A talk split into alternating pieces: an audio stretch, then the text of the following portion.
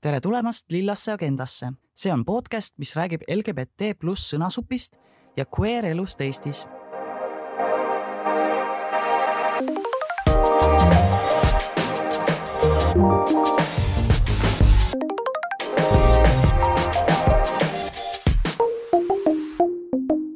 tere, Paul tere, Mel ähm,. tänane Lilla Agenda episood on päris eriline, sest me oleme täna Tartus Aparaadio podcasti festivalil täitsa laivis. ja tänaseks teemaks on abielu äh,, täpsemalt siis abieluvõrdsus. ja selleks on meil täna külas Eesti LGBT Ühingu tegevjuht Kristel Rannaere ja Festharti peakorraldaja Keijo Soomelt ja arutame siis, miks on meile see abieluvõrdsus tähtis mida see tähendab äh, meie kogukonnale ja kuidas see meid isiklikult puudutab. et äh, alustaks sinust, Kristel. tere. tere äh,. nii nagu mainitud, siis mina olen Kristel, Eesti LGBT Ühingu tegevjuht. ja, ja Keijo. tere, mina olen Keijo, mina olen äh, koorijuht, õpetaja, kultuurikorraldaja ja siis ka jah, Festharti peakorraldaja mm. -hmm. väga tore, et te siin olete um, kuna teemaks on abielu, siis äh, kohe küsikski teie käest, et kui ma mainin mõistet abielu, siis mis on esimene asi, mis teile pähe tuleb selle mõistega? praegusel hetkel kindlasti rahvahääletus ja kõik selle ümber toimuv, sest ma, mina vähemalt olen oma töö tõttu igapäevaselt selle sees. nii et see on esimene seos, kahjuks mm. -hmm jah, ma vist ühinen sinuga, kuigi üks teema veel võib-olla, mis, millele ma olen viimasel ajal hästi palju mõelnud, on, on, on see abielu tähendus või abielu erinevad tähendused. ehk siis, et on see nii-öelda kiriklik abielu ja siis ilmalik abielu ja see, et mis on siis need erinevused või, või mis on see point. ja üleüldse, et noh, et kust see mõiste nagu tuleb, eks ju. et võib-olla, võib-olla ka see on see, mida, mis on viimasel, viimasel ajal kuidagi nagu peas kumisenud ja, ja ja sellega seoses ma just mõtlen, et nagu nüüd me teame, et, et selleks, et abielluda, on vaja vähemalt kahte inimest ja äh, tahaksin küsida teie käest, kui te tahate jagada seda, et kuidas te kohtusite oma partneritega? Eh, no meil oli selline klassikaline romantiline lugu, kohtumine Itaalias. et äh, mina läksin oma sõbrannale autojuhiks kui ma kuulsin seda, kuidas mu sõbranna siis äh, minu tulevase või praeguse elukaaslasega siis äh, telefonis rääkis, ma olin veendunud, et ma veedan äh, maailma kõige igavama nädala maailma kõige kohutavamas väikeses Itaalia linnakeses, kus on kaks armunud inimest ja nendest üks ei ole mina. ja siis ma lihtsalt olen nagu nende sihuke satelliiti autojuht. aga noh, tollel hetkel, kui Gert sealt autost välja astus, siis, siis ma sain aru, et ei, nemad kindlasti paar ei ole kuidas see välja siis nägi? noh, ütleme nii, et radar töötas ja noh, siis, siis läks nädalake või paar veenmist ja, ja siis nii ta läks meil kahjuks äh, nii romantilist lugu ei olnud, meie kohtusime tööd tehes ehk et Eesti LGBT Ühingus äh, väga palju aastaid tagasi, siis kui me mõlemad olime vabatahtlikud ja siis uuesti siis, kui mina olin tööl ja minu partner oli juhatuses mm. -hmm. nii et nii see lugu algas. nii et see oli juba susises ammu. ja kuskil, ma ei tea, all peidus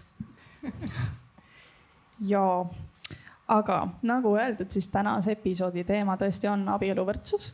Ähm, see on olnud väga kuumaks teemaks ühiskonnas, meile see on nagu suht kõikjal olnud, et võib-olla räägiks inimestele, miks see meile üldse oluline on.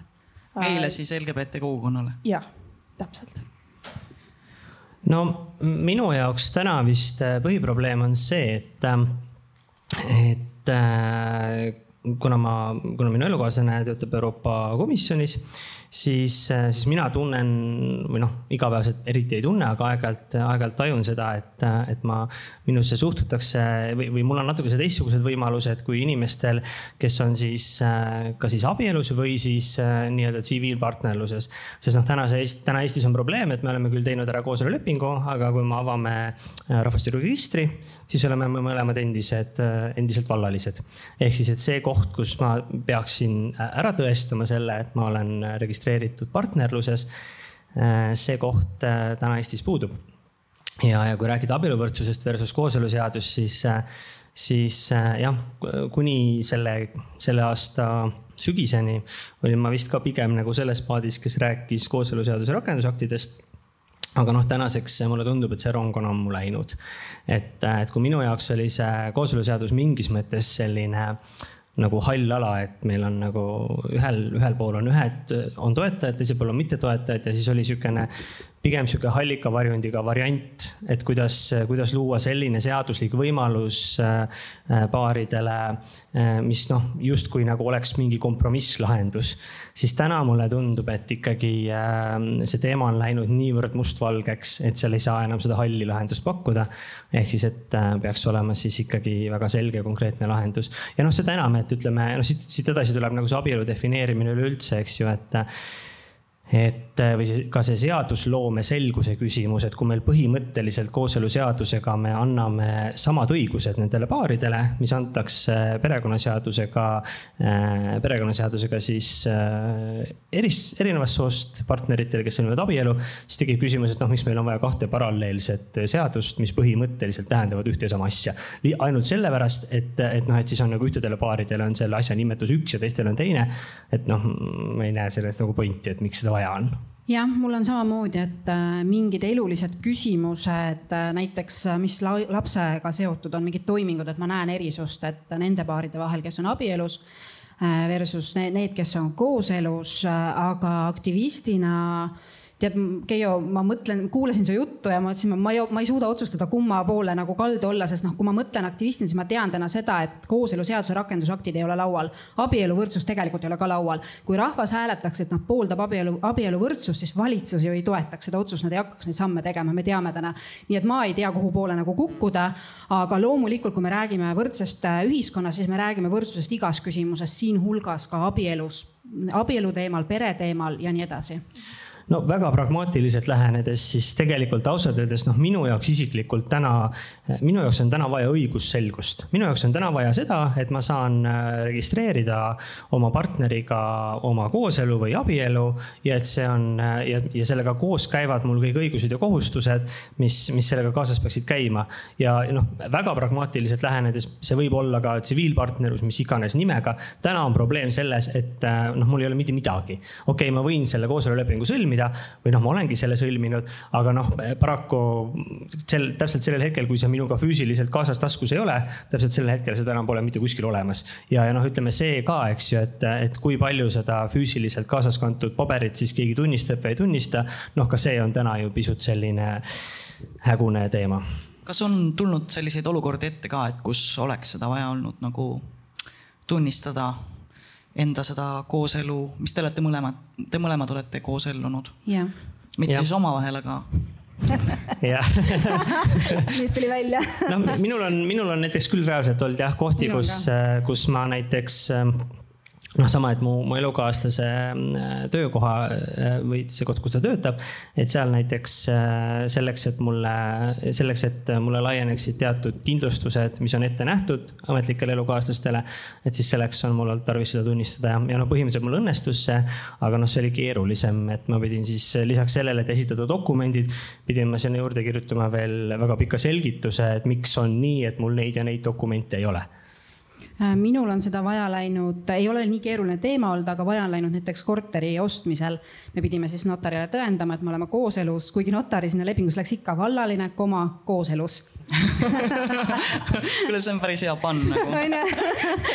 ja, aga see läks nagu lihtsalt, lihtsalt me näitasime jah, tõesti selle ette, et aga see ongi põhimõtteliselt iga toimingu juures, kus riigil on vaja teada, kas sa oled nagu kooselus või ei ole, siis sa pead selle nagu ette näitama, nii et tegelikult äh, see hea nali selle juures on see, et abielluda ju veel saab, onju, sest registris oled sa vallaline.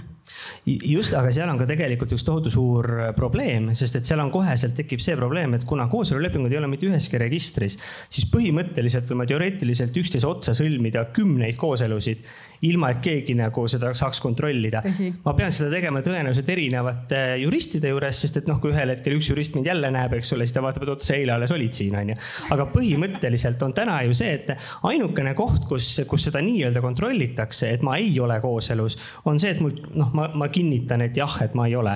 aga noh, põhimõtteliselt, et ma, ma võin sõlmida iga päev uue kooselulepingu eelnevaid tühistamata ja mitte keegi ei kontrolli seda, ei saa seda kontrollida aga kuidas selle kooselulepingu tühistamisega on, sellega oli ka vist see, et, et sa pead minema sellesama notari juurde põhimõtteliselt no täna küll jah, sest et täna on ju probleem selles, et see leping ongi ainult selle ühe konkreetse notari juures. selles mõttes, et kui sa abiellud, siis ju see läheb registrisse, tehakse registrikanne, märgitakse sind abiellunuks ja kui sa abielu lahutad, siis suvaline notar saab teha, eks ole, selle järgmise registrikande tõenäoliselt. aga noh, kooselu puhul on see, et eh, kui ma olen notari number üks juures abiellunud ja tema juures on füüsiliselt see leping, siis seda lepingut saan ma tühistada ainult tema juures, sest kuskil mujal seda lepingut ju ei ole nii, ma ei tea, kas kaasa noogutada või eitada, ma ei tea täpselt, kuidas see on, aga, aga jah, selle lahutamisega või kooselu lõpetamisega seaduslikult mõttes on olnud äh, keerukus. me tänaseks teame ühinguna, et neid on siiski juba ka tulnud mõned üksikud.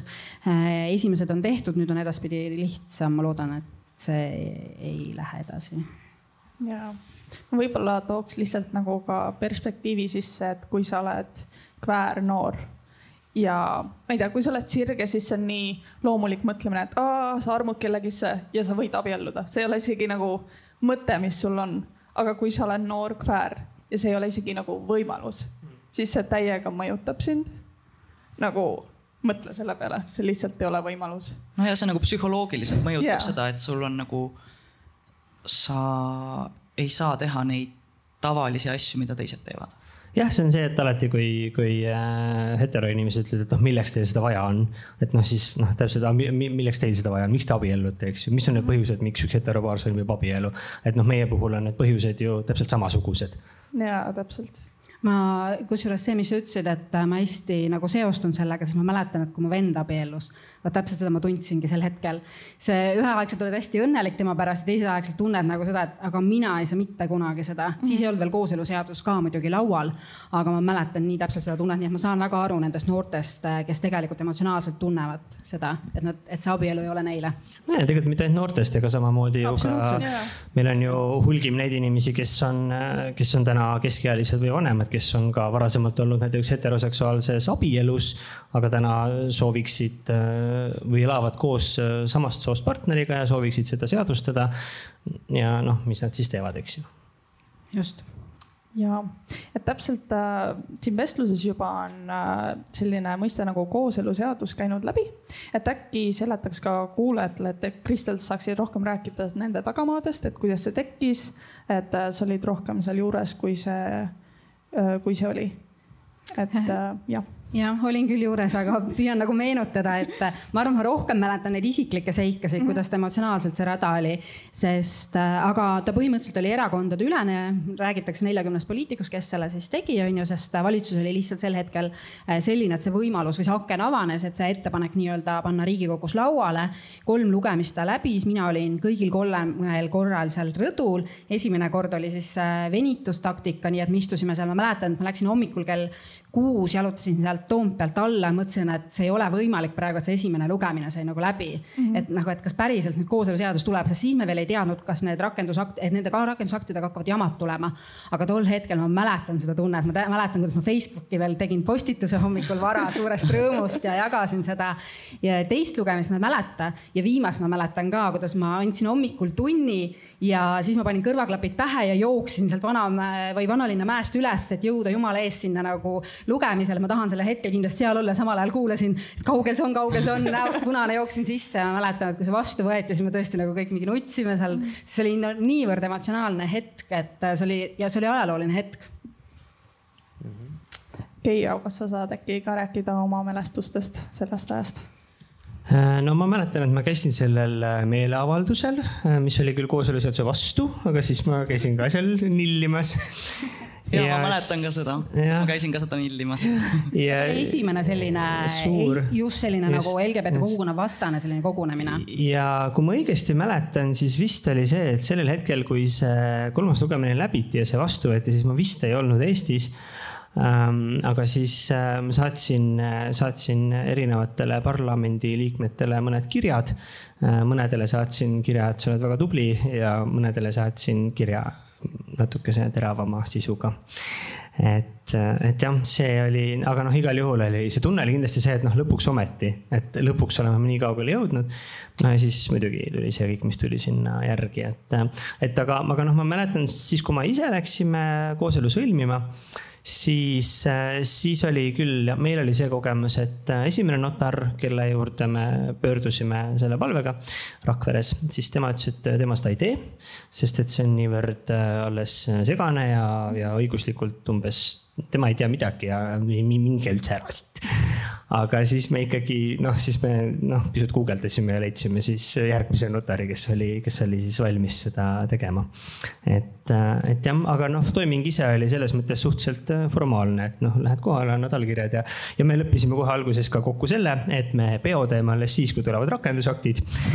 nii et see oli aastal kaks tuhat kuusteist, nii et kui te tahate pidu saada, siis, siis jah Äh, ma kohe meenutan enda seda kooselu, sest meie, äh, meie koos elusime ka nii, kui see vastu võeti, ma mäletan, me veel arutasime oma partneriga seda, et kas me peame selle jaanuaris ruttu ära tegema, et äkki võetakse see meilt ära, et, et aga me tahtsime tegelikult teha sügisel, tahtsime pere ja sõpradega pidu ja siis me mõtlesime, et noh, et kumb, kumb ja siis me kaalusime, kaalusime, see oli juba kevadkäes, mõtlesime, okei okay,, võtame selle riski, teeme sügisel, aga takistus, mille taha meil natukene jäi, noh, mis ei ole niivõrd suur, aga mis oli meie jaoks nagu üllatav, oli see, et notari leidmisega ei olnud probleeme. aga kui me seletasime notarile, et me tahame teha nagu reede natuke natukene pärast lõunat, on ju, et minna otse nagu pildistama ja peole, siis äh, meil oli väga raske leida notarit, kes saaks aru, et tegemist ei ole tavalise müügilepinguga, vaid okay. et me tõesti tahame õhtusel ajal või noh, pärastlõunasel ajal, sest reedel ju notaritel enamasti on lühe, lühemad ajad, vähemalt need, kelle juurde meie sattusime ja nendest keegi ei olnud valmis hilisemal ajal tegema. ja me lõpuks leidsime ühe notari ja me leidsime selle notari, kes tegelikult alguses võttis äh, kooseluseaduse nii-öelda ei olnud kooseluseaduse poolt, aga ainult juriidilistes mõttes, nagu talle ei meeldinud see, kuidas see oli juriidiliselt üles ehitatud. Okay ja võttis ka sel teemal sõna ja siis me mõtlesime, et see oli meie viimane lootus ja, ja ta võttis meid vastu ja hästi selline ametlik oli, meil oli fotograaf seal, kõik loeti ja käidi punktid kõik täpselt üle, et mis meile kohustused siis on, aga ennem seda muidugi oli ka see mm, projekti tegemine, selle lepingu projekti tegemine, et lepiti kokku on ju kõik need punktid, mis sinna lähevad ja pärast oli siis see pidulik osa. jah, seda küll, et ütleme see, kui me võrdleme seda nüüd selle ka siis äh, nii-öelda ilmaliku abielu sõlmimisega, et siis seal on ikkagi see, et noh, seal on mingi selline nagu noh, üldjuhul on see ikkagi ju see iseenesestmõistetavalt juba mingi sündmus ja seal on mingi pidulikkus ja kõik see. et siis tõesti. isegi siis, kui sa lähed lihtsalt lepingut tegema. just, just, et isegi siis, kui sa lähed lihtsalt lepingut tegema, siis ikkagi on seal selline. see õnnepalee ja atmosfäär. ja just see, see formaalsus, eks ole, et siis noh, et kooselulepingu puhul tõesti on see, et noh, sa põhimõtteliselt äh, müüd korterit, sõlmid kooselulepingu, teed kõiki muid asju, et noh, see kõik käib nagu jah, niimoodi suhteliselt äh, steriilses ruumis laua taga loetakse ette tingimused, kohustused ja õigused ja siis sa kinnitad neid oma allkirjaga. oo oh jaa, sest kooselu ja kinnisvaraleping, täpselt sama asi ju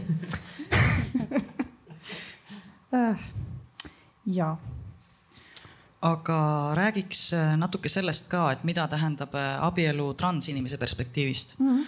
et noh, mina enne üleminekut ma ei oleks saanud abielluda nüüd ma aga nagu, nagu saaksin põhimõtteliselt abielluda. aga ma, ma ei tunne, et ma tahaksin seda teha, enne kui kõik äh, inimesed saavad seda teha oma soovitud partneriga. et äh, ma ei tea, kuna ma kasvasin üles nagu koer kogukonnas, siis see on nagu minu jaoks nii südameasi kogu aeg olnud ja ma, ma ei, ei tunne, et ma nagu tahaks seda enne teha no mul ei ole ka kellegagi, aga see on teine teema.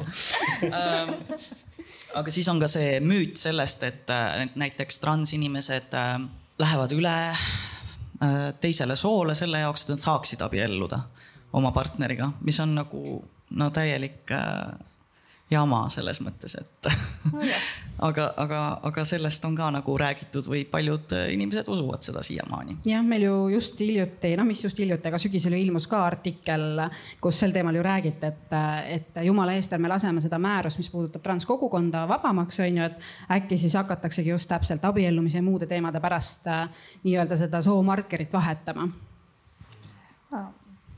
On transinimesi, kes ei ole sirged What? tõsi äkki ka nemad tahavad abielluda?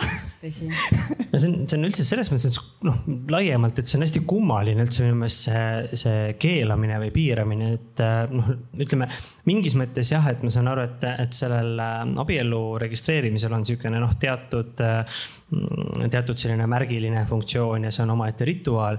aga noh, teisest küljest jälle, kui me seda noh, väga pragmaatiliselt vaatame, siis noh, põhimõtteliselt on see kahe inimese vaheline kokkulepe, kus nad sätestavad ära selle, et kuidas nad mingeid asju oma elus korraldavad ja, ja noh, mulle tegelikult nagu lõpuni ei mahu pähe see, et, äh, et mil moel noh, mis vahet sellel on, kellega mina selle lepingu sõlmin või mis soost see teine inimene on. või noh, kui nagu väga lihtsustatud näide tuua, siis, siis et noh, kui aastal kaks tuhat kuusteist aprillis ma sõlmisin kooselulepingu, ma ei saa päris täpselt aru, et äh, kõikide nende konservatiivide, et noh, mis nende elus sellel päeval muutus. ma julgen väita, et mitte midagi aga noh, minule tekkisid nagu mingisugused võimalused, on ju. et, et jah, see on üldse nagu kummaline, et miks äh, miks me peame nagu määratlema sugu sellel hetkel, kui me määratleme seda, et kellega ma tohin selle kokkuleppe sõlmida, et me, ma ei tea, ostame ühise maja näiteks või mis iganes jah, ja kui, kui sa mainisid ka, et see abielu on nagu rituaal ja traditsioon, siis tegelikult peaksime mõtlema selle peale, et mida rohkem me inimesi lubame selle traditsiooni juurde, seda kauem see traditsioon tegelikult ühiskonnas kestab. see peaks ju olema ka omaette asi, millele nagu mõelda siinjuures kui konservatiividele abielu nii tähtis on, siis nagu come on, abieluvõrdsus. ja siinkohal ma tahan ikkagi öelda ka, et konservatism ei välista abielu äh, samast soost äh, partnerite vahel. et äh, täna on ikkagi poliitikas ära lörtsitud see konservatiivi nagu silt, et see ei ole see, et konservatism tähendab jah, abielu traditsiooni, aga see tähendab, miks ka paljud ütleme, et võib-olla Eestis oleme praegu vähem näinud seda, aga kui me vaatame USA-sse valimiste ajal või me vaatame Euroopasse, siis me näeme tegelikult konservatiivid toetavad seda, et ka samast soost partnerid saaksid abielluda just sellepärast, et see on traditsioon, mida võiksid ka nemad jätkata mm. -hmm no mulle natuke see tundub siin ka see, et siin on noh, see, see kõlab jälle nii nõmedalt, et oh, mis teha, see on paratamatu, me olemegi nii ajast maas, eks ju. aga noh, natuke see, see on see, et ütleme, et noh, mulle noh, see on täpselt see, mis sa räägid, see konservatiivsuse teema, et ega noh, mujal Euroopas ütleme ka selliste radikaalsete parteide vaatevinklist üldjuhul noh, nende jaoks tihti enam LGBT teema pole nagu üldse mingi küsimus, mida üldse arutadagi mm. -hmm. et noh, see on nagu nende jaoks ammu juba unustatud ja me sellest nagu ei räägi, et noh, need, need pannid, mida nemad peksavad, on nagu hoopis teised teemad, et, et aga noh, meil on see endiselt veel mõnda aega ilmselt teema jah. ja oh,, ja, ja sellepärast, et see on noh, lihtsalt, et see on teema, mida valimistel saad vankri ette seada, on ju. et tuletame meelde, et rahvahääletus hakkas ikkagi sellest, et valimised hakkasid lähenema ja on vaja ju midagi panna sinna ühele erakonnale endale vankri ette, et saada hääli ja see on lihtsalt see võimalus, sest me näeme, et see veel töötab meie ühiskonnas. LGBT teemad veel kahjuks on sellised, et see ajab inimesed äh, kahte leeri, sellega on hea manipuleerida, inimesed ei süvene, inimesi hirmutatakse, et see on nagu hea mehhanism kahjuks. Ja, ja sellel on reaalne mõju inimeste vaimsele tervisele, et kogu see kampaania, mis on toimunud siin, nagu see mõjutab. ja selles mõttes. see on kõikjal. ja ma hästi äh... nagu nõustun sinuga, et siis, kui see kooseluseaduse arutelu oli suurelt üleval, et ütleme, seal lõpupoole läks juba see, ütleme, et ka meedia läks neutraalsemaks, aga alguses see nii neutraalne ei, ei olnudki. ja meie noortegrupp kogunes just äh, kooseluseaduse arutelu aastal esimest korda ja ma mäletan, et me rääkisime oma noortega sellest, et kuidas nad ennast tunnevad ja nad ütlesid, et tegelikult äh, väga paljud noh, näha oli, et nad ei Nad nägid seda negatiivsust, kuigi seda ei olnud rohkem, aga nad tajusid seda negatiivsust niivõrd palju, et nende jaoks tundus, et justkui enamus tegelikult on kogu selle LGBT inimõiguste nagu vastu ja näha oli ka see, et nende suhted peres tegelikult halvenesid, sest nendel tekkisid need hirmutunded. Äh, nad hakkasid, äh, nad, kui nad enne mingi hetk mõtlesid, et nad võiksid oma vanematega rääkida, kes nad päriselt on, siis seal tekkisid need hetked, kus nad ütlesid, et tead, ma ei julge, et ma kuulen, kuidas mu isa räägib või kuidas mu ema mhm. räägib ja ma ei, ma ei julge talle öelda. ja, ja see ongi see varjatud vägivald ka, mis peredes hakkab toimuma, onju. Mhm. Need mikroagressioonid, mis on nagu just et pereliikmed hakkavad just täpselt sõna võtma, nad teadmata, et nendel tegelikult võib olla peres LGBT nojah, nad ei teagi ja siis see, arvavad, et see ei ole nende teema ja, ja võib äh, siin on nagu kaks asja, siin on äh, esiteks noh, minul on olnud selles mõttes tohutult vedanud, et mul on äh, väga normaalsed peresuhted olnud ja, ja kogu see väljatulemine, sellega pole nagu mingit draamat olnud aga noh, ma, ma, ma ei kujuta ennast päris täpselt ette selle noore äh, mõtetesse, kes ütleme, et kui sa oled selline äh,, ma ei tea, üksteist, kaksteist, eks ole, alles, sa veel ei tea endast midagi. siis sa näed neid pilte, kus sinu, ma ei tea, ema, vanaema või isa seisab, seisab mingi pedetahju sildiga, seisab kuskil Riigikogu ees, eks ole. ja siis sa kahe aasta pärast avastad, eks ole, sul on see pilt silme ees ja siis sa kahe aasta pärast avastad, et oih, aga et sina oled üks nendest, kelle selle sildi järgi sinu vanemad umbes tahavad tahavad välja saata, on ju. et noh, see on üks mure ja teine asi, mis on seesama see rahvahääletuse teema, et et noh, mina täna tunnen küll väga selgelt, et, et see on täpselt see, et sellest hääletusest ei võida ega kaota selles mõttes, sellest hääletusest ei muutu absoluutselt mitte midagi tehnilises mõttes, aga mis muutub, on see, et lihtsalt kui see hääletus läheb läbi ja kui tulemus tuleb äh, siis äh, jah, siis see tähendab seda, et minule ja tegelikult väga suurele osale ühiskonnast öeldakse lihtsalt, et okei okay,, teie olete, riik ütleb põhimõtteliselt meile, et okei okay,, teie olete need vähem väärtuslikud tüübid siin. et noh, eks te olge, aga hoidke madalat profiili ja noh, üldiselt nagu noh. ärge no, rääkige sellest. parem, parem oleks, kui te üldiselt istuks kodus ja noh, minge tehke oma asju, oma asju, aga nagu šš. et noh, ja, ja mina ei taha oma riigilt sihukest sõnumit saada. ja, ja ma tunnen, et on äh, üks võib-olla positiivne asi, mis on tulnud kogu sellest asjast, on see ja mida ilmselt EKRE ei näinud ette, on see, et ennem seda rahvahääletust abielu ei olnud LGBT kogukonnas teema. ma mitte kunagi ei tundnud, et see on nagu valik või võimalus või midagi, mis võiks juhtuda. ja nüüd esimest korda inimesed on ka toetajaid ja nad räägivad ja nad teevad oma häält kuuldavaks ja seda nagu, seda poolt on ka. ja nagu tunda, et see on nagu muutumas valikuks, mis võib juhtuda kunagi ja selles mõttes, et jälle toon paralleeli kooseluseadusega ka, et äh, tegelikult, mis kooseluseadusega juhtus ka, et esimest korda inimesed hakkasid rääkima üldse sellest, oota, meil on homod ja nad tahavad äh, nagu juriidiliselt kuidagi oma partnerlust äh, nii-öelda turvalisemaks teha või, või teha seda sümboolsemaks, äh, riigis olla märgatavamad äh, noh, nagu juriidilises mõttes. et äh, ja me näeme ka seda, et avaliku arvamuse uuring näitab ka seda, et pärast kooseluseadust tekkis tegelikult tõus inimesed hakkasid rohkem mõistma, sest sellest hakati rääkima. et eks LGBT teemadest on ennegi ju räägitud, aga nüüd hakati rääkima nagu rohkem töökeskkonnas, võeti sõna kooseluseaduse teemadel ja need, kes äh, said, äh, kes julgesid võib-olla kapist välja tulla, et ma mäletan, et mitmed äh, mu tuttavad rääkisid sellest, kuidas nad tulid töölt välja, et lihtsalt öelda, et oh, kuulge aitab sellest jutust, et see on, see olen mina, kellest te siin töökeskkonnas praegu räägite. ja, ja tegelikult me ju näeme, et mis seda muutust ühiskonnas teeb, ongi need isiklikud suhted, sest me arvame, et kuskil on need äh, LGBT inimesed, me ei tea nendest midagi, meid nendega hirmutatakse, luuakse meedias mingi pilt, kuvand nendest ja, ja tegelikult me ei kujutagi ette, need on meie õed-vennad, klassikaaslased, töökaaslased ja, ja see juhtuski kooseluseadusega, et inim, inimesed hakkasid rääkima sellest ja see tekitas seda muutust. nii et ma arvan, et rahvahääletusega ka, et see muutus tekib ja teine ja teiseks tekibki see lootus, millest sa rääkisid, et lõpuks ometi me saame rääkida võrdsemast ühiskonnast.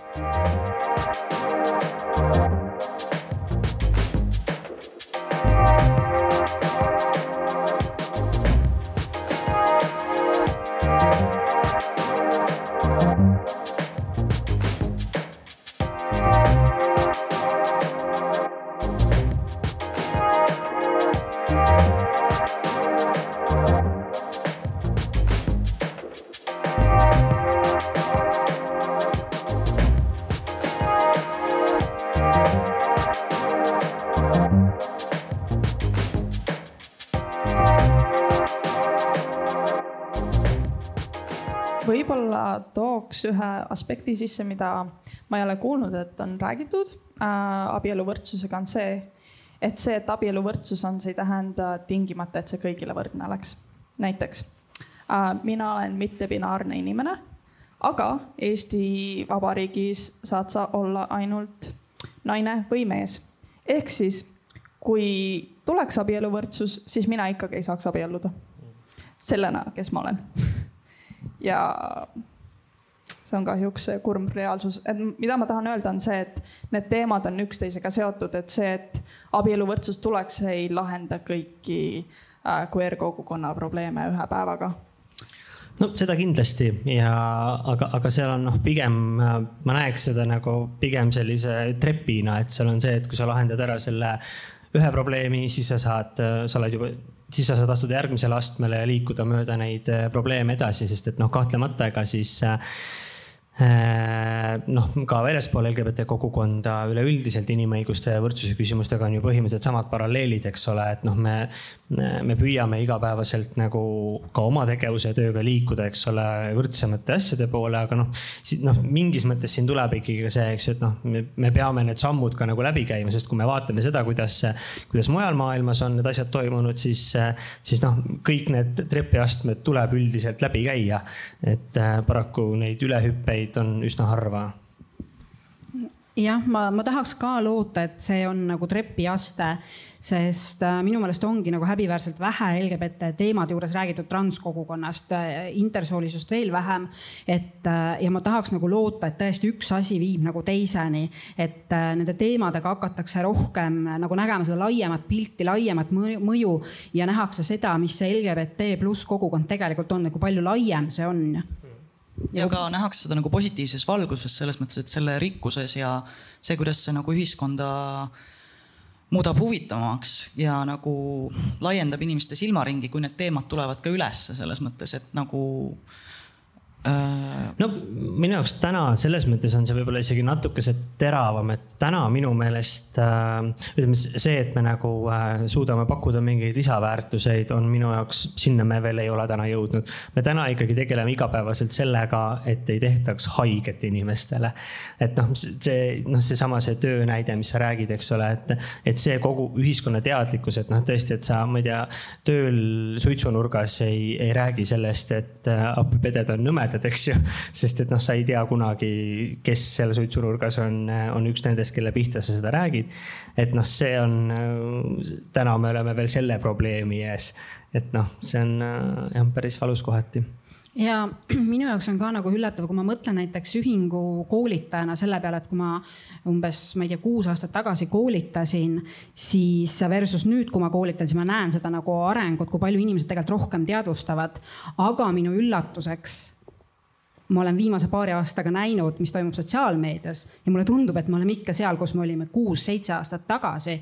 et, et, et on ikkagi inimesi, kes ei saa lõpuni aru sellest LGBT teemast ja ma saan aru, miks see on nii, sest see on seotud kogu selle, see on nii poliitiliseks aetud ja niivõrd nagu, see on nii kahjuks hea asi, millega inimesi hirmutada ja see toimib ja kui sa vaatad neid sotsiaalmeedia kommentaare, siis sa nagu saad aru, et, et tegelikult inimesed ei, ei ei mõista kõige lihtsamatki asja, äh, identiteedi arengut näiteks, et kust tulevad erineva identiteediga inimesed see on see poliitiline teema on kindlasti, mis on muutunud viimase paari aastaga, on see, et mingis mõttes on ka sellisele äh, räuskavale vihakõnele tekkinud sihuke nagu legitiimne taust.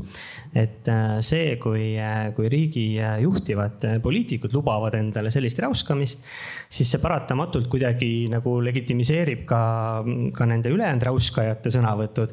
sest noh, minul isiklikult näiteks, ma olen töötanud koolis juba juba kümme aastat äh, erinevates koolides ja, ja sellel aastal, kui ja ma olen juba väga pikalt, alates aastast kaks tuhat seitseteist olen ma suhteliselt avalikult igal pool kapist väljas. ja sellel aastal mul oli esimest korda oli situatsioon, kus mul tuli õpilane tundi ja teadis, et mingi pedetundi mina küll ei lähe et noh, ja kusjuures ma arvan, et paar aastat tagasi ma ei oleks seda veel nagu noh, ei oleks sihukest asja nagu juhtunud. ehk siis, mis ma tahan öelda, on see, et mingis mõttes kogu see, mm, kogu see kõik kõik see, üks nendest kaasnähtustest, mis täna on juhtunud, on see, et äh, kindlasti mingid inimesed on saanud meie mõistes siis või meie poolt vaadatuna negatiivses mõttes julgust juurde. ja, ja nad võtavad avalikult sõna, nad räuskavad avalikult ja loomulikult nad tajuvad ka väga selgelt seda, et sellel üldjuhul ei ole mingeid tagajärgi. ja, ja sa näed, kuidas nad tegelikult nagu pidevalt proovivad, äh, noh, iga kord püütakse teha see samm nagu natukese kaugemale ja natukese pikem. et siis nagu noh, näha, et kas, kas nüüd tuleb see piir, millest me üle ei tohi minna, ei tulnud ma proovin veel korra.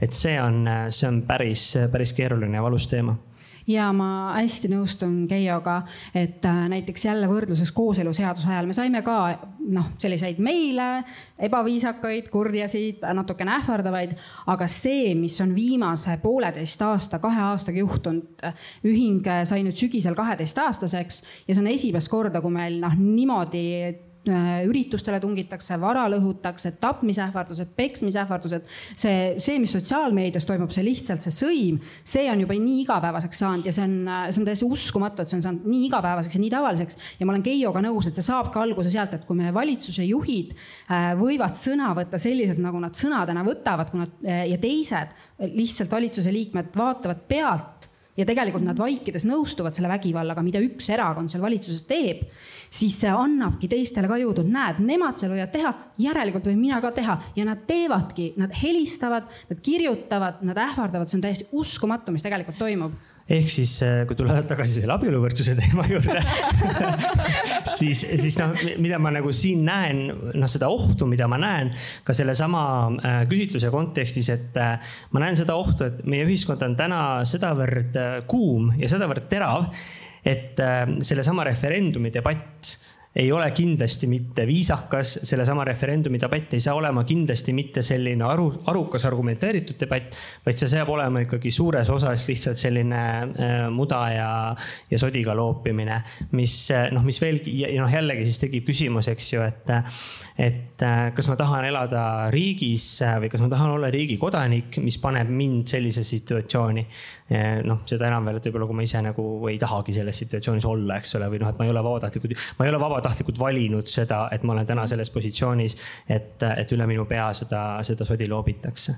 ja, sest nende jaoks on poliitika, minu jaoks on minu elu nagu see mõjutab mind personaalselt. just ja see, see on nagu alati see, mida ma mõtlen, et ükskõik milliseid äh, selliseid äh, rõlgeid sõnavõtte lugedes nagu noh, aeg-ajalt äh, tahaks, noh, ma kirjutan ka mõnikord, aga, aga, aga tahaksin alla kirjutada, et noh, kas te, kas te saate aru, et te räägite päris inimestest et, et kui sa kirjutad, see sinu sõnavõtt, see, mida sa väljendad, et sa räägid oma selles sõnavõtus, need ei ole, see, see ei ole mingi müütiline valijaskond või see ei ole mingi müütiline potentsiaalsed hääled, vaid need on reaalsed inimesed, kellel on reaalne elu, ma ei tea, omad mured, rõõmud ja kõik siuksed asjad. Et noh mõnikord mulle tundub, et selles debatis me unustame nagu selle ära, et me räägimegi nagu põhimõtteliselt mingitest klotsidest, et noh, palju meil nüüd ühel pool on ja palju teisel pool on, ahah, siniseid klotse on hetkel rohkem, okei okay,, siis teeme sinistele sobiva otsuse, on ju. aru saamata, et noh, ka need punased klotsid, et noh, neil on ka, need on inimesed, mitte klotsid mm. -hmm ja äh, see, see on samamoodi just see eraelu teema on hästi oluline siin ja tegelikult ka see, millele mina olen hakanud viimasel ajal mõtlema, et, et see viha, mis lastakse lendu, seda ei saa pärast kontrollida. et ma mõni aeg tagasi kirjutasin oma kogemusest ühel kevadel, kui ma jalutasin töölt koju ja ma tõmbasin salli endale üle pea ja üks meesterahvas arvas, et ma olen islami naine ja rääkis niimoodi vaikselt mu selja taga, kuidas ta plaanib, äh, mida ta kõik plaanib minuga kohe tegema hakata. ja siis ma mõtlesingi, et sa, sa isegi ei tea, kes ma nagu olen, on ju, sa teed oma järeldused, et samamoodi on selle LGBT teemaga kas sa ei mõtle sellele, et ühel hetkel võib sinu tütar lihtsalt suvaliselt sõbrannal käes kinni hoida ja langedagi vägivalla ohvriks, ilma et ta kuulukski sinna kogukonda? see viha, mis sa välja lased, sa ei saa seda kontrollida see lihtsalt lendab omasoodu ja hakkab moonduma. et me ju näeme, see, mis tegelikult sotsiaalmeedias tõus äh,, toimub, on ju. et see ongi sellest tegelikult alguse saanud, see, et see on läinud grammi nagu vägivaldsemaks ja grammi äh, suuremaks, see ongi kõik sellest alguse saanud tegelikult. jah, ja see, mida me teie ürituste näitel oleme nüüd näinud ja, ja ka ühe meie ürituse näitel legendaarses Pärnus, siis äh,, siis jah, et, et täna on nagu see, et kui, kui kolm-neli aastat tagasi see viha oli sotsiaalmeedias, siis täna on see viha jõudnud reaalselt tänavale ja nagu noh, reaalselt reaalselt, selles mõttes reaalsetesse tegudesse, et noh, ka sotsiaalmeedias kommentaari kirjutamine on reaalne tegu. aga, aga täna on see viha jõudnud juba selleni, et noh, inimene tuleb füüsiliselt ühinguüritusele kohale ja, ja nagu on füüsiliselt seal või verbaalselt kohapeal vägivaldne.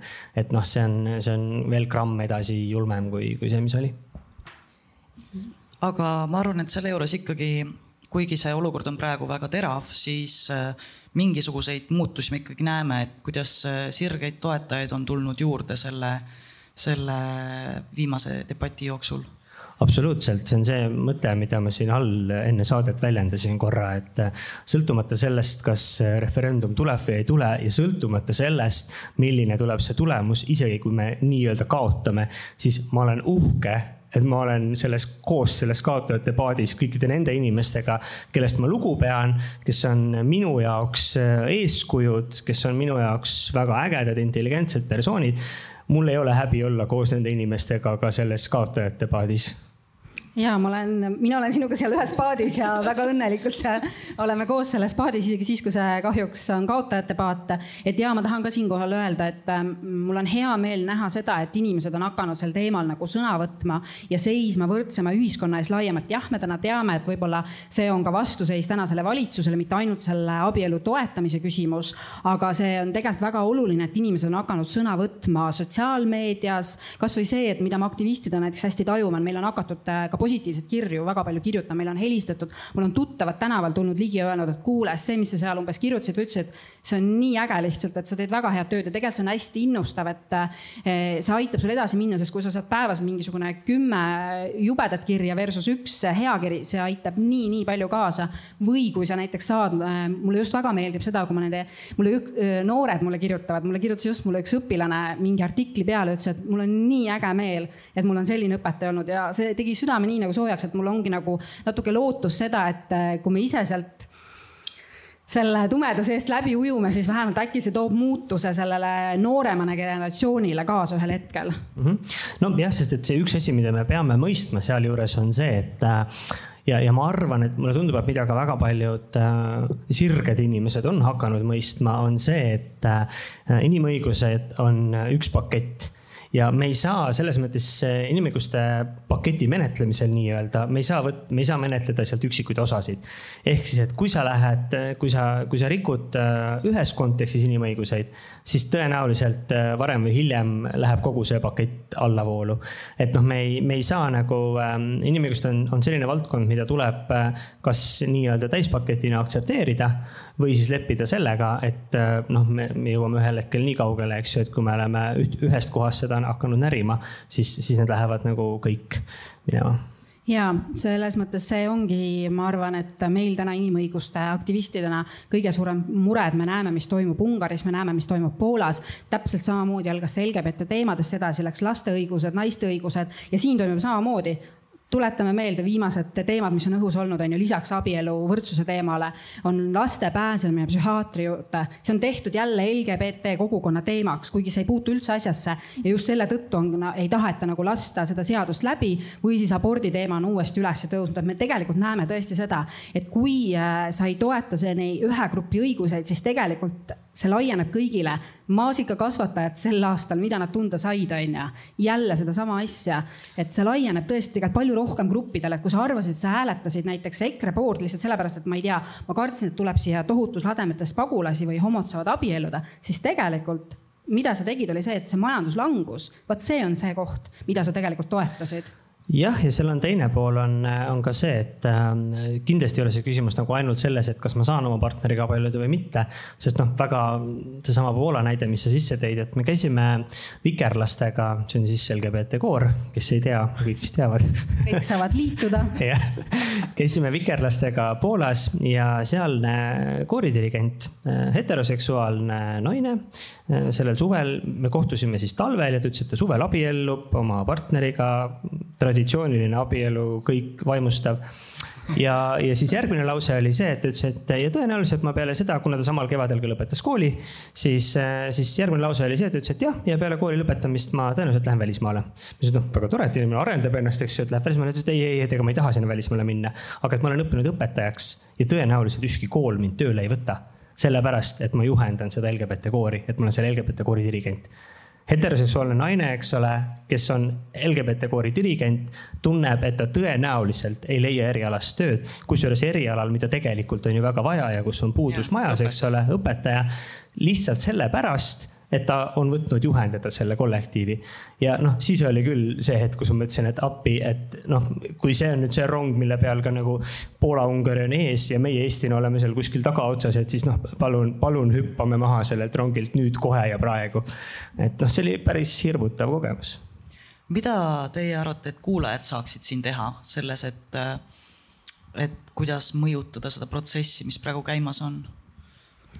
Leia kümne sõpra ja räägi nendega äh, võrdse ühiskonna teemadel, inimõigustest laiemalt, just sellest, mida meie tegelikult siin rääkisime. et me ei oleks seal Poola-Ungari rongi peal. et äh, see on see, mida sa saad teha. Äh, muidugi mm, igaüks ei saa võib-olla rääkida lihtsalt ei saa ja kõik, siis mida sa saad teha, on toetada neid inimesi, kes saavad rääkida, lihtsalt omavahel öelda, et sa teda toetad. sa võid lihtsalt äh, kui sul on võimalik rääkida kasvõi ühegi inimesega, see on hea, aga noh, võiks niimoodi vaadata, et noh, viis inimest minu sõbralistis, ma võiksin nendega rääkida, mida nad arvavad abielust. et neid vestluseid nagu arendada, jagada postitusi, äh, suhelda kogukonnaga, teha annetusi, äh, rääkida kaasa seal, kus mul on vähegi võimalik, aga nii palju, kui, et ma iseennast nagu katki ei tee, et selles protsessis ei tohiks iseennast ka unustada. et sa ei lähe nagu nui neljaks ja siis oled ribadeks, nii nagu aktivistid meil siin enamasti kõik on, on ju teen väikse promo ka, et äh, LGBT ühingul on annetamistalgud tulemas. palun toetame täpselt. just, äh, see on see, mida sa saad teha ja sa saad ka toetada kõiki teisi organisatsioone ka anonüümselt, kui sa ei taha seda avalikult teha. ja üks asi veel, mida sa saad teha, on, äh, kui me räägime nüüd sellest rahvahääletuse kontekstis, siis kui sa oled otsustanud hääletada ei, siis mine hääletama ja kui sa ei ole otsustanud üldse hääletada, siis ära mine üldse hääletama, aga palun ära hääleta jah, eks ju. ja noh, ja mida sa saad teha minu jaoks täiesti mul oli neli aastat tagasi oli üks telefonikõne, mis, mis siiamaani annab mulle tegelikult nagu power'it täiesti. see laupäeva hommik, kell oli umbes mingi pool kümme vist või. see oli peale esimest feststarti või enne, ma ei mäleta ja, ja siis äh, võtan telefoni, võõras number helistab, võtan vastu ja siis noh, esimene küsimus, et kas sa oled mingisugune selle Pede filmifestivali korraldaja või? ütlesin, et okei okay,, noh nüüd siis nagu tuleb, et noh, nüüd, nüüd tuleb see klassikaline sihuke sõim. ja siis järgmine lause oli see, et tead, põhimõtteliselt, et okei okay,, et ma eriti sellest aru ei saa, aga te olete nagu jumala ägedad tüübid ja nagu laske edasi.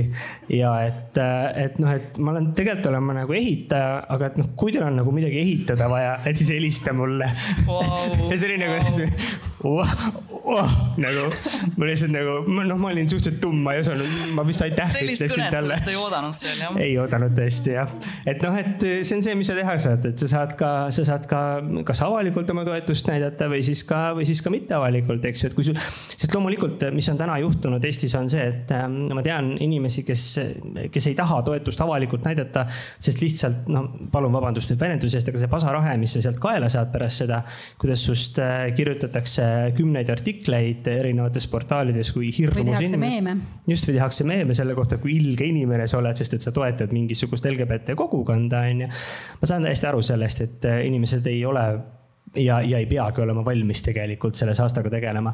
aga noh, anonüümselt äh, Facebooki sõnumit saata on ka võimalik ja sellest on ka tegelikult abi ja tuge kindlasti väga,. väga-väga palju sellest toetusest ja. ja sellest, et aitäh, et te teete seda, on väga palju abi. on absoluutselt, nii et äh, ma olen ka Keiaga nagu hästi nõus ja kordaksin selle mõtte üle, et igaüks ei pea avalikult seda toetust välja näitama, kui ta ei, mingil põhjusel ei saa, ei suuda, see on, see on arusaadav, igaüks ei pea seda tegema.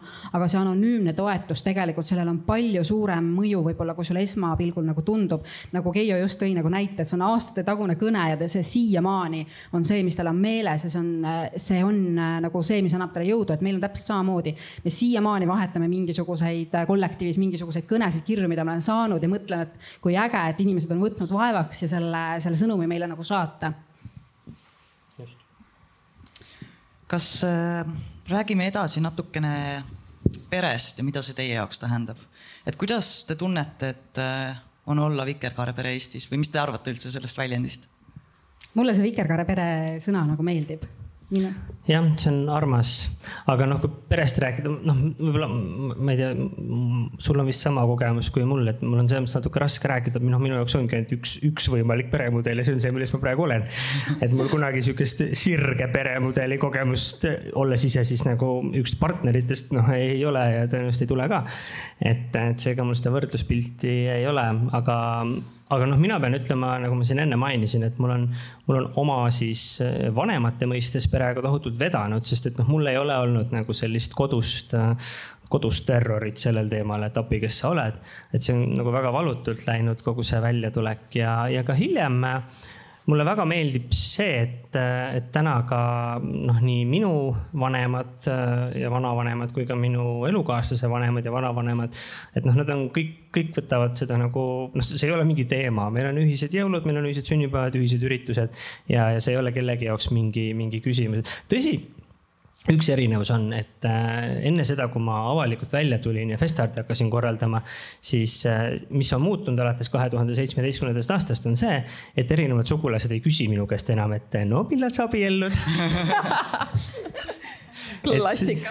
et seda küsimust nagu enam ei ole, aga no ma ei tea, võib-olla nüüd, kui abieluvõrdsus ühel hetkel vastu võetakse, et siis on jälle põhjust hakata seda küsimust küsima, et, et millal ma abiellun ja millal pisipere tuleb, jah? just, jah. klassika ja eh, minul on ka oma perega nagu eh, vedanud, eh, sest nii minu kui partneri pere hästi toetab ja meil ei ole, noh, eks meil on ikka oma teekond olnud, et kui ma mõtlen näiteks selle ajale, kui ma tulin kapist välja, et ma tean tegelikult, et mõlemal mu vanemal oli teekond sellega, et seda mõista, mõtestada iseenda jaoks, aga seejuures on nad alati olnud mu kõrval, et ma arvan, see on ka üks põhjus, miks ma aktivist olen, et mul on see võimalik, et kui sul see tugipere on sinu kõrval nagu nii tugevalt, et siis sul ongi natuke natukene lihtsam seda aktivismi eh, tööd teha, aga näiteks kui rääkida nagu enda pisemast perest, et mina, minu partner ja laps, siis on ikkagi mingeid asju, millele ma mõtlen, näiteks, et ma ei, noh, ma mäletan, et kui me panime oma lapse lasteaeda, siis me läksime selle direktoriga eraldi rääkima, et me oleme vikerkaare pere. noh, nii me talle ei öelnud muidugi me lihtsalt ütlesime kahe emaga pere ja, ja küsisime noh, et niimoodi ääri-veeri, et kuidas nüüd on. et ma ei tahaks, et selliseid asju peaks nagu tegema, et ma ei peaks mõtlema sellele, et kui mu laps läheb kooli, kuidas tal seal nagu on. et äh, selles mõttes me ei ole ka klassikaline vikerkaare pere, et me mõlemad äh, oleme aktivistid ehk me oleme pildil kogu aeg, et see nagu suurendab ka võib-olla seda hirmu, aga meie lasteaiakasvataja on hästi äge, meil on hästi palju vikerkaare peresid seal, mille üle mul on nagu väga hea meel. Wow.. samas lasteaias või? ja see on nagu lihtsalt nii äge, et meil nagu sattus nii palju peresid sinna kokku, selle üle mul on hea meel, aga kui ma seal direktori rääkisin, siis ta oli nagu vaatas mulle otsa, et nagu miks me sellest täna räägime, et meil on siin kogu aeg kaks isa, kaks ema, me ei ole mitte mingit uudist. mul oli üks eelmisel aastal või oli see kaks aastat tagasi, mul sõbrannad samamoodi üks vikerkaare pere, kaks naist said lapse. Ja siis üks, üks hetk oli, mis, kui nad ütlesid, me sõime koos õhtust ja siis ütlesid, et ja et siis minule ja minu partnerile ütlesid, et ja poisid, et arvestage siis sellega, et kui nüüd tuleb lasteaias isadepäeva pidu, et siis üksteist peab minema. Meil on selle jaoks onud rakendatud siis ma ütlesin, et davai, lähen aga see on küll, muidugi see on, ma kujutan ette, et äh, mul endal küll äh, lapsi ei ole, aga, aga noh, mis kohati on probleem üleüldiselt on see, et äh, ilmselt nii pere mõttes kui ka soo mõttes Eestis on see, et noh, ma olen ise järjest rohkem nagu tajun või näen seda. noh, ma olen ka hakanud teadlikult seda rohkem märkama, et kui palju on igapäevaelus selliseid pisikesi nüansse äh, kus noh, näiteks ma ei tea, sa täidad mingisugust äh, küsitlust, mis on mingi statistika kogumise eesmärgil ja siis on see, et noh, teie sugu, mees, naine rohkem variante ei ole, eks ole. et ja, ja noh, tõenäoliselt ka selle, selle pere koha pealt, et noh, seesama see, et isadepäeva üritus ja, ja, ja emadepäeva pidu, et noh, et seal on nagu ilmselt ja, ja, ja noh, mõnikord ähm, ma saan aru, et mõnikord need tulevad nagu, on niisugune traditsioon, eks ole. aga teatud hetkedel on ka võib-olla see, et noh, me, me ise ka ilmselt ei märka seda mõnikord, et noh, kuidas me nagu lähtuvalt oma taustast ja kasvatusest ja, ja noh, sellest nii-öelda harjumusest. et kuidas me nagu unustame ära, et noh, et tegelikult me ei peaks, me ei peaks panema inimest selle valiku ette või me ei peaks seda üldse niimoodi sõnastama. et noh, aga noh, see on muidugi üsna suur töö ka, ka iseendaga, sest noh, ka mina, olles LGBT kogukonna liige, siis, siis noh, mõnikord tagantjärele enda mõnda teksti lugedes noh, vaatad ka, et oih, et noh, siin ütleks veits paastik, et et noh, mingid, nojah, et mingite, kas mingite terminite ja nendega mm.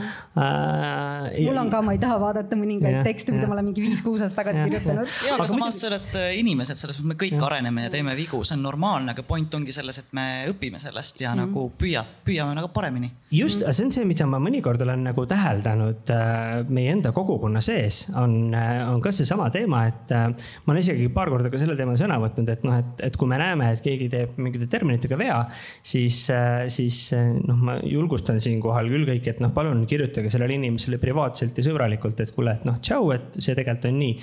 sest noh, aeg-ajalt on natukese valus on lugeda mingi, no noh, ma, ma mõnikord tunnen ka seda, et mõni, mõningad inimesed näiteks ka nii-öelda kinni kinnistes äh, Facebooki gruppides, mis on sellised liberaalsed grupid, ei julge väga sõna võtta, sest nad kardavad eksida ja see on see koht, kus ma nagu mõtlen, et ka meie kogukonnana võiksime võib-olla selle peale mõelda. et noh, et neid inimesi nii-öelda positiivselt parandada, aga mitte näägutada nende kallal selle üle, et noh, et oh, mis mõttes sa nagu ütlesid niimoodi. no ja see tundub rohkem selline sotsiaalmeedia teema küsimus, kus, kus ja, see kultuur ja. on lihtsalt selline, et üksteist nagu nägupidi ei näe, et siis tundubki, et sa kaotad ära nagu selle reaalsuse, et seal taga on teine inimene, kellega sa räägid või kelle kohta sa kommenteerid? ja ma arvan, et tihti ka see võib-olla, mm, miks need teemad võib-olla lähevad natuke selliseks tulisemaks ka kogukonna sees, on see, et, et need on väga isiklikud teemad. ja, ja, ja sa, identiteediga just, seotud. just, et sa võtad seda nii emotsionaalselt, et sa ei mõtlegi korra selle peale, et ta lihtsalt eksis inimesena, et ta ei pruugigi teada, et see on okei okay.. kui sa ei tea, sa vabandad, noh.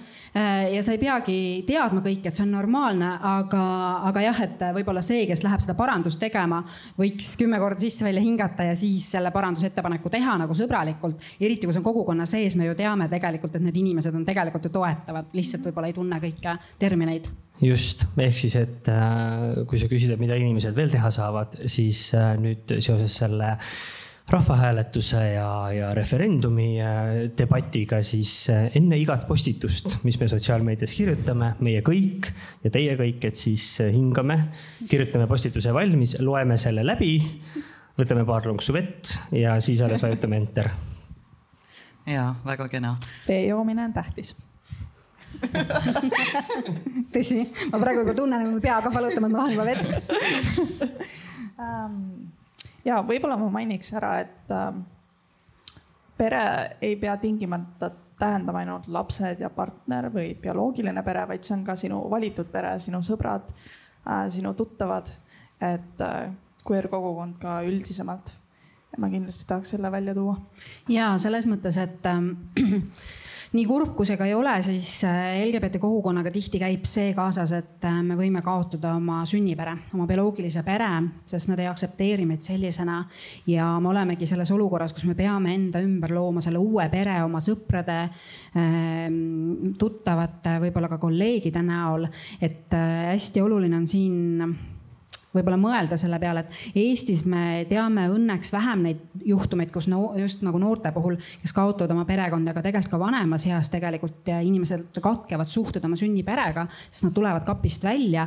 me teame täna, et Ameerikas on hästi suur probleem just LGBT noorte kodutus, sest nad lihtsalt heidetakse tänavale. mina tean Eestis äh, õnneks vist ühte-kahte juhtumit aga tõepoolest, et siin on hästi oluline mõelda ka seda, et meil on võimalik seda kui me oleme sunnitud, meil on võimalik see pere luua ka, ka tõesti sõprade ja lähiring, teiste lähi, lähedal olevate inimeste näol. ja, eks ma arvan, et see on hästi oluline, sellepärast et noh, siin on veel üks erisus, et meil on täna muidugi palju neid LGBT perekondasid, kellel on ka lapsed, aga meil on ju noh, ka ilmselt rohkem neid vikerkaare perekondasid, kus lapsi ei ole. ja, ja nüüd siin on nagu võib-olla see kapist väljaolek, väljatulemise ja sõprade küsimus tegelikult mõnikord isegi eluliselt tähtis. sest äh, noh, kui me tõmbame paralleeli sellise sirge perega, siis on see, et äh, ühel hetkel noh, paratamatult me jõuame sellesse vanusesse, et kas siis loomulikul teel või siis mingitel muudel põhjustel, aga et noh, juhtub ikka seda, et üks partneritest sureb ära, eks ole kui me räägime, kui see juhtub sirges peres, siis tihtilugu on seal selles mõttes noh, see tugigrupp on seal kõik ju taga, eks ole, et noh, sul on seal lapsed, kõik, ma ei tea, onud, tädid, kõik muud, kogu see seltskond, eks ole. ja nüüd, aga, aga kui me täna räägime sellisest väga kapis olevast vikerkaare perekonnast, kus te oletegi nagu põhimõtteliselt sügavalt kapis maailmas te oletegi ainult üksteise jaoks olemas. kahekesi põhimõtteliselt. põhimõtteliselt kahekesi, eks ole, keegi teie kooselust ei tea midagi. Teil ühiseid sõpru ka ei ole ja siis juhtub, eks, sest et noh, äkki sõpradel tuleb välja muidu kõik, eks ole, ja siis juhtubki see, et ja siis, kui üks nendest partneritest mingil põhjusel kas siis äh, päris sureb ära või siis ka, ka lahutuse kontekstis, eks ole, siis oledki järsku täiesti üksinda ja see võib olla nagu päris, päris, päris karmide tagajärgedega. ehk siis, et noh, et see jällegi see, ega see kapist välja olemine, et, et noh, mida sulle annab nagu see, see perekonna tunnustamine ka abieluvõrdsuse kontekstis, üks asi dokumentaalselt, aga teine ka sisulises mõttes. on ka see, et ega abielu ei ole ju ainult, ainult see, et meie omavahel lepime kokku, et me nüüd oleme abielus. vaid noh, tegelikult see on kogu see sihukene sotsiaalne tugisüsteem seal ümber, see on abielu ka selles perekondlikus mõttes laiemalt sest et noh, kui sa oled kellegiga avalik, nii-öelda avalikult abielus, eks ole, siis see tähendab seda, et noh, need inimesed, kes on selle sinu partneri, ma ei tea, sugulased, tuttavad, nad on automaatselt see, noh, selle ringi osad, kus te olete. Ja, aga kui abielus ei ole, eks ole, et noh, siis ongi see, et üks pooltest sureb ära ja, ja see üks ring ongi täiesti ära lõigatud, eks ju. jah, ja siin võib juhtuda ka see, et jah, kui ongi selline drastiline, et üks pool lahkub siit ilmast ja näiteks kui on lapsed olnud ja ei olegi teine vanem lapsendanud need et siis äh, sul nagu seaduse silmis tegelikult seda õigust sellel lapsel ei ole. Või mis saab teie ühiselt soetatud varadest, et jah, et see tundub, et mis selle abielu juures see vara või need mingid muud asjad on. see on tegelikult, see on oluline, see kindlustab meie tulevikku, meie edasielamise, kuidas me saame võimaldada enda järgmisi aastaid, on ju. et see on tegelikult oluline, et tõesti, et abielu ei ole ainult armastuse äh, väljanäitamise viis, vaid see on ka tegelikult äh, enda tuleviku kindlustamine, mingite asjade kokkuleppimine nii riigi tasandil kui omavahel just nimelt, absoluutselt ja, ja see on nagu see koht, kus, äh, kus tõesti ongi see, et, et kui me oleme soetanud ühise kodu ja oletame, et see kodu on minu partneri nimel ja siis äh, temaga juhtub midagi, siis tuleb tema mingi, okei okay,, kui tal lapsi ei ole, tuleb tema mingi onupoeg ja ütleb, et äh, mina olen vastavalt pärimisseadusele selle asja pärija ja tšaubaka, eks ole. ja siin, ja siin koha peal, kui nüüd mulle öeldakse, et okei okay,, et teil on ju võimalik teha testament ja siis on teil võimalik teha üks volitus ja teine volitus ja kolmas volitus, siis lõpuks mul tekib küsimus, et noh, et jällegi, et mille kuradi pärast ma pean tegema kümme erinevat volitusdokumenti ja, ja muud paberit, kui ma saaks selle ära lahendada ühe allkirjaga. ja aga see maksab rohkem. just nimelt. ja see maksab hästi palju. sest kolmkümmend eurot oli, ma vaatasin praegu see abielu äh, riigilõiv, aga sada eurot oli see notari asi ja kakssada, kui tahad teha testa-, äh, päranduse asja. Äh, ja see kõik, mis meie jätsime näiteks kooselludes selle vara poole ära, sest sealt tuleb mingi protsent sinu vara pealt. me ei ole väga rikkad, aga see protsent oli juba väga suur, nii et me otsustasime mitte seda teha. ja ma tahan öelda ka seda, et mis on veel oluline, on see, et näiteks kui oma mm, sünniperega ei suhelda ja näiteks minuga midagi juhtub ja minu pere ei toeta mind ja peab mingeid meditsiinilisi otsuseid vastu võtma, siis seda saavad teha tegelikult minu sünni, noh, ehk minu vanemad on ju, või minu vend või õde, aga mitte minu partner siis mis ja. on ka nagu need ohukohad ja kes see kokku minnes arvab seda, et äkki see teine partner sureb ära, et me peame ennast kindlustama, onju. sest ja vabandust, ma natuke siis lähen üle aja, ma tahan siinkohal öelda ka, et, et selle abielu teema juures väga palju on tõusnud sotsiaalmeedias ka see küsimus, et aga me ei ole ka oma, näiteks ma mäletan, üks naisterahvas kirjutas, me pole ka oma mehega abielus. ma ei näe, et oleks vajadust, muidugi sa ei näe, sest äh, mees-naispaari kaitseb seadus täna rohkem kui isegi koos elanud samast soost paare. et loomulikult sa ei taju tegelikult seda, et sa arvad, sa lähtud iseendast, mõtled, aa mul ei olegi vaja olnud, aga tegelikult on küll seal nüansse, millega peab arvestama. no seal on see lihtne näide, eks ole, et isegi kui te ei ole ametlikult abielus, aga teil on ühised lapsed ja ühine kodu, siis teatud Just. tingimustel sul see ühisvara tekib iseenesest, eks ju. ja lapsed on automaatselt, saad ilusasti oma mehe nimele kirjutada, keegi ei küsi, kas ta tegelikult on su mees, aga mina pean oma lapse näiteks lapsendama, onju, mis on ja. pikk protsess. jah ähm,, sellel teemal on kindlasti palju rääkimist, aga kuna meie aeg hakkab vaikselt otsa saama, siis ma küsiks sellise viimase helgema küsimuse. et äh, kuidas teie ideaalmaailmas või utoopias näeks välja Eesti LGBT kogukonna tulevik? lühidalt ma loodan, et äh, ideaalmaailmas see ei peaks olema nagu üldse mingi eraldi topic või küsimus. me ei peaks tegema nagu saateid äh, sellel teemal ja ideaalmaailmas, sorry, Kristel, aga ideaalmaailmas ei oleks meil vaja nagu eraldi organisatsioone või ühinguid, kes tegelevad LGBT kogukonna kaitsmisega. sest ideaalmaailmas lihtsalt see kogukond sellisel kujul ja sellistel põhjustel ei vajaks lihtsalt kaitset ja et kui sa ei taha, et ühing eh, saaks maksumaksja raha, siis toeta võrdseid õiguseid olen sinuga nõus, et ideaalmaailmas ühingut vaja ei oleks. ideaalmaailmas, noh tõesti täielikus ideaalmaailmas me näeksime inimest mitte seda, mis on eh, tema identiteet, et sünnil kaasa antud identiteet, mis tegelikult ei mängi mingit rolli, tegelikult tema sõnad ja teod on need, mis määravad, kes ta on. ja see on see, millele me peaksime tähelepanu pöörama, kui me üht inimest vaatame see on väga kaunis lõpp. Äh, aitäh teile kõigile kuulajatele, äh, meie kallitele külalistele suured,. suured-suured tänud Aparaadio festivali korraldajatele ja Postimehele, kes tegi ülekande meist täna. ja kohtume siis järgmises Lillas Agendas. nägemiseni. aitäh. tšau. thank you